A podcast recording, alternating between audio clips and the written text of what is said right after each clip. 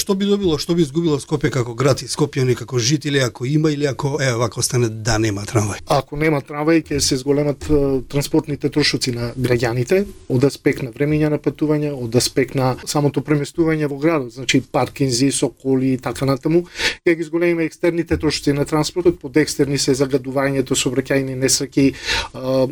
понатаму дел од трошоците кои што се однесуваат од закрачување, нели, делуваат на загадување на живот животната средина, бучава зголемена, зголемена загадување на воздухот и она што е најбитно времењата на патување. Значи времето исто така економски трошок. Ако тоа го земеме, ќе видиме дека навистина во догледно време се повеќе ќе треба на граѓаните време за да се преместат, посебно да го поминат централното градско подрачје од една точка до друга.